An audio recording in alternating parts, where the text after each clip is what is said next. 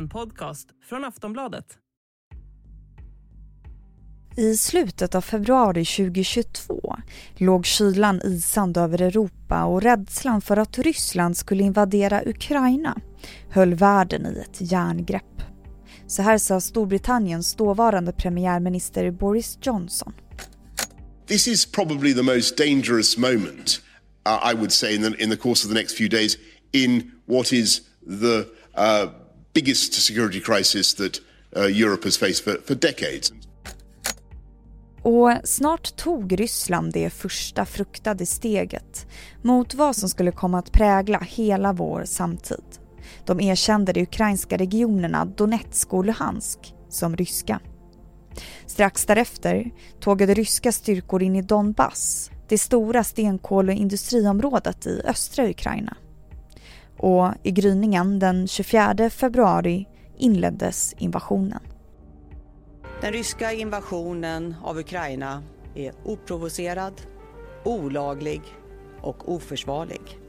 Nu har det gått ungefär tio månader sedan dess och vi har med oro följt krigets varenda rörelse.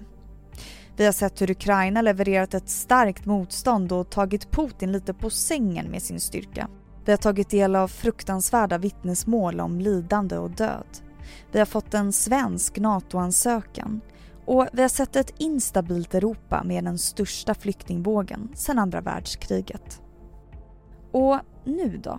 Vad är det senaste från kriget just nu? Varför åker Putin på besök i Belarus? Och hur tros kriget fortsätta under 2023? Ja, det här och mer därtill ska vi prata om i dagens Aftonbladet Daily.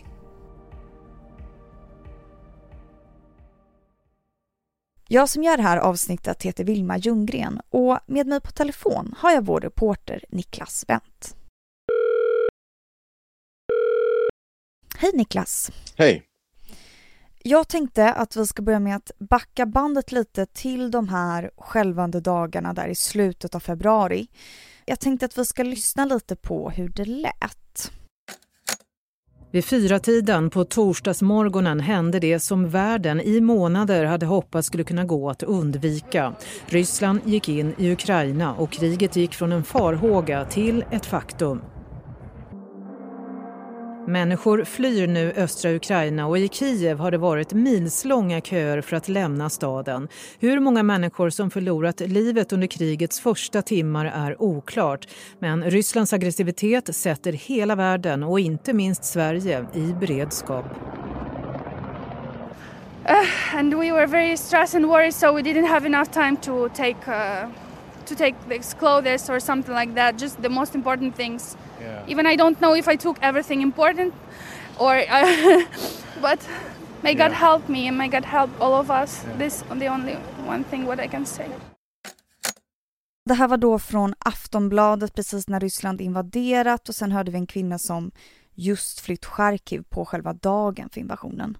Mm. Eh, Niklas, vad minns du från de här dagarna? Vad, vad minns du när du hör det här?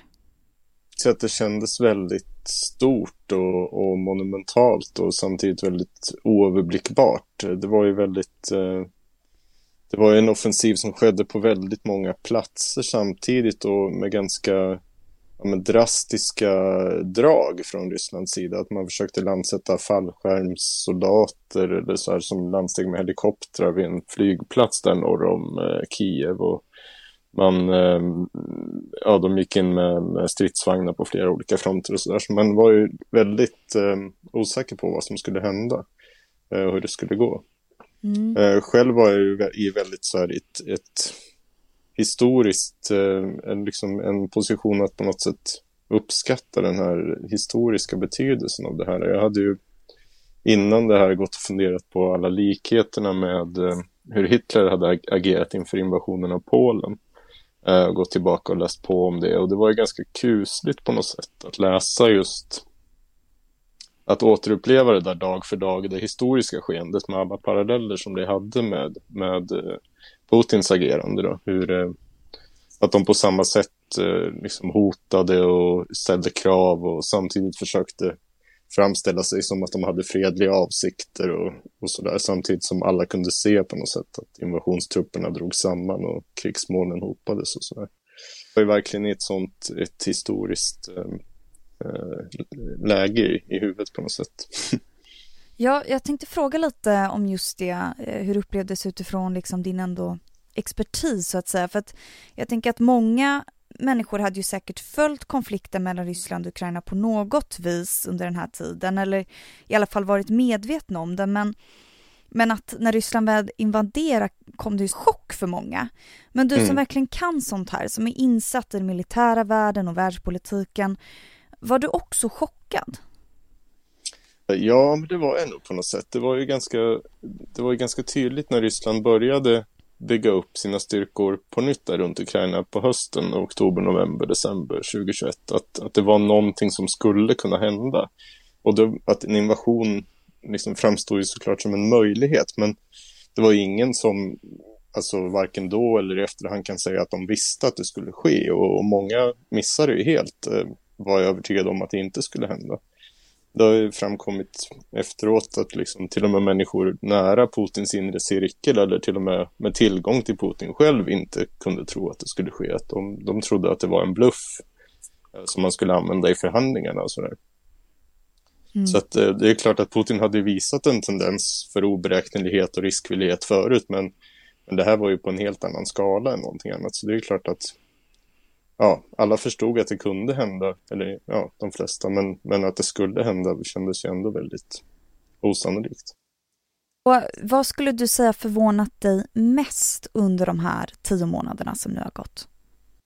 Ledningsvis, eh, man kanske inte ska säga att man blir förvånad, men åtminstone lite positivt överraskad att, att Ukraina har stått upp så bra som de har gjort. Det var ju många som fruktade inför invasionen att, att Ukraina skulle vika ner sig ganska lätt. Inte minst ryssarna själva verkar ju ha trott det. Uh, utifrån det som har framkommit om hur de planerade sin offensiv så har de liksom uppdragit åt förbanden att tillryggalägga enorma distanser jättesnabbt, i princip helt ohotade. Så de, har, de förväntade sig inte det här motståndet.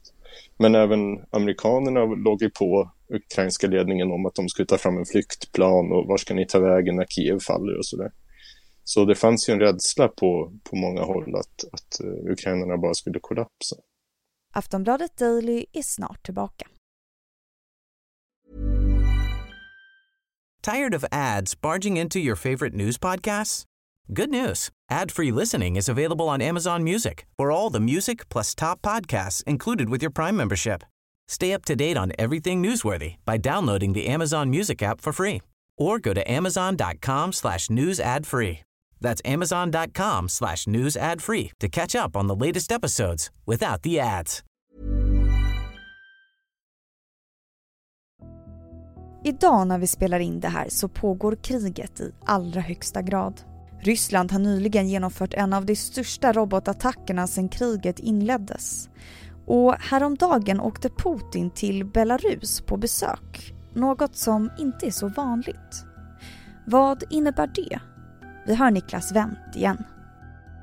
Lite oklart exakt vad det innebär för kriget. Det, det spekuleras i att, att det är ett led i att Putin försöker få med Belarus som en aktiv part i kriget. Att de ska gå in med sin armé eh, egentligen. Då. De har ju redan upplåtit sitt territorium till, till ryska trupper och ryska liksom, robotanfall har ju skett därifrån. Och så.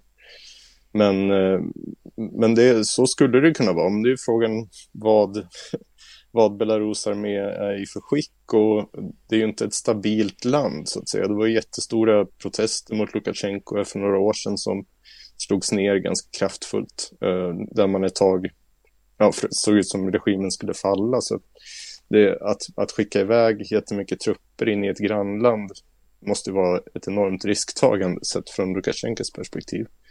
Så det är lite, ja, jag är osäker på vad, om det kommer komma något sånt.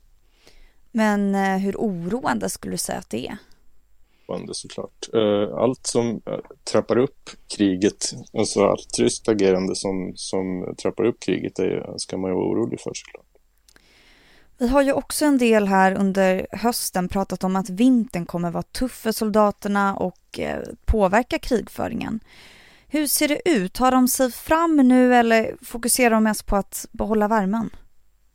Det är ju en, en svår fråga. Alltså i, i, I grunden så är det ju ganska jobbigt med vinter. Alltså det, är inget som, det kan ju underlätta att marken är hård och att det kan göra det, om det fryser, att det blir lättare för tunga bandgående stridsfordon att ta sig fram och så. Men i, på alla andra sätt så, så blir det ju väldigt jobbigt. Soldaterna måste lägga jättemycket energi på att hålla sig varma och få i sig tillräckligt med mat och se till att liksom vapen och fordon inte fryser och sådär.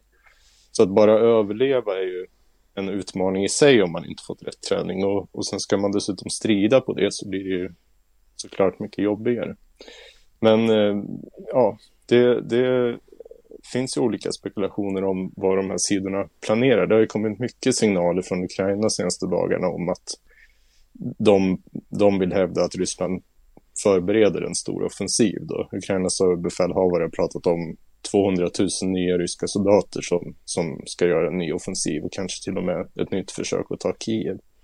Men det är ju lite svårt att veta eh, om det faktiskt finns de här soldaterna och vad de har för kapacitet och, och så. Mm.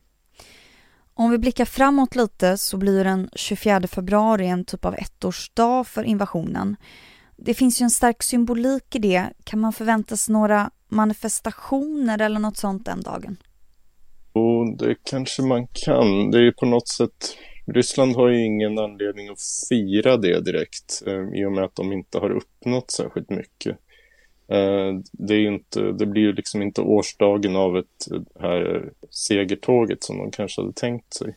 Så av den anledningen kanske man inte gör alldeles för stor affär av det. Och eh, Ukraina är ju ändå fortfarande i ett krig och eh, försöker liksom återställa sina gränser och sådär har ju lidit väldigt mycket så det är inget att fira på något sätt för dem heller. Eh, de skulle nog kanske försöka hitta en annan dag av någon symbolisk betydelse. Man kan säkert vänta sig stora protester och liknande. Ja, det kan man nog göra, absolut. Framöver då, hur tror du att våren kommer att bli för Ukraina-kriget? Det har ju pratats om den här nya ryska offensiven då och det är väl möjligt att de försöker göra någonting även under vintermånaderna. Men det, ja, för min del är det nästan helt omöjligt att se om vilken kapacitet de här väldigt gröna och nya rekryterna har och, och, vilken utrustning de har kunnat få ut och vilka liksom, slagkraftiga förband de har kunnat bygga. Så jag tror, ja, skulle jag gissa på någonting så skulle jag nog tro att det blir mer statiskt än det har varit den senaste tiden. Eh, ryssarna har ändå kortat sina fronter nu, de har kunnat gräva ner sig. Eh, så det kan bli svårt för ukrainarna också att göra något offensivt. Även en, en dålig soldat är väldigt svår att skjuta bort om man sitter i en grop i marken får spekulera då, när kommer det här kriget att ta slut? Ja, givet att det inte blir en kupp eller ett maktskifte i Moskva så, så är det nog viktigaste man, man måste liksom förstå att kriget kommer fortsätta tills Putin bedömer att det är slut. Det är, och problemet med Putin är att han verkar se sig själv verka på en helt annan tidslinje än vi andra. Han är intrycket man får är att han ser sig som en historisk figur som är ute på ett historiskt uppdrag och liksom en sån person kanske inte låter sig stoppas av tillfälliga motgångar. Det är, man kanske närmast ska tänka sig att hans, i hans föreställningsvärld är han Peter den store som får dyngpisk av Karl XII vid Narva men 20 år senare har krossat hela svenska stormaktsväldet. Eller Stalin som förlorar miljoner man på slagfälten 1941 och 42 men några år senare lägger halva Europa under sig. Mm. Så det intrycket man får är att, att han tror att han har tiden på sin sida. Det, det intrycket förstärks ju av ja, CIA-chefen William Burns träffade ju Putins underrättelsechef Naryshkin i Ankara i november. Och Naryshkin sa då att Ryssland kommer aldrig ge upp hur många soldater vi än förlorar. Uh, och det, det behöver ju inte vara sant, men, men uh, är ledningen så beslutsam så, så finns det inget sätt att, för Ukraina eller, eller någon annan att, att tvinga fram ett slut på kriget. Så det, det pågår ju på något sätt tills, tills Putin tycker att det är slut. Och det är en ganska deprimerande tanke. Du har lyssnat på Aftonbladet Daily med Niklas Wendt, reporter här på Aftonbladet. Jag heter Vilma Ljunggren och vi hörs snart igen.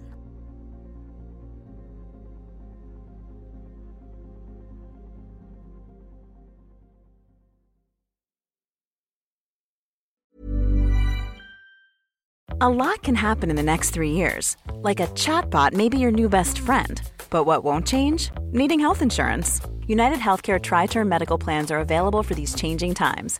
Underwritten by Golden Rule Insurance Company, they offer budget friendly, flexible coverage for people who are in between jobs or missed open enrollment. The plans last nearly three years in some states, with access to a nationwide network of doctors and hospitals. So, for whatever tomorrow brings, United Healthcare Tri Term Medical Plans may be for you. Learn more at uh1.com. Du har lyssnat på en podcast från Aftonbladet. Ansvarig utgivare är Lena K Samuelsson. Tired of ads barging into your favorite news podcasts? Good news. Ad-free listening is available on Amazon Music for all the music plus top podcasts included with your Prime membership. Stay up to date on everything newsworthy by downloading the Amazon Music app for free or go to amazon.com slash news ad free. That's amazon.com slash news ad free to catch up on the latest episodes without the ads.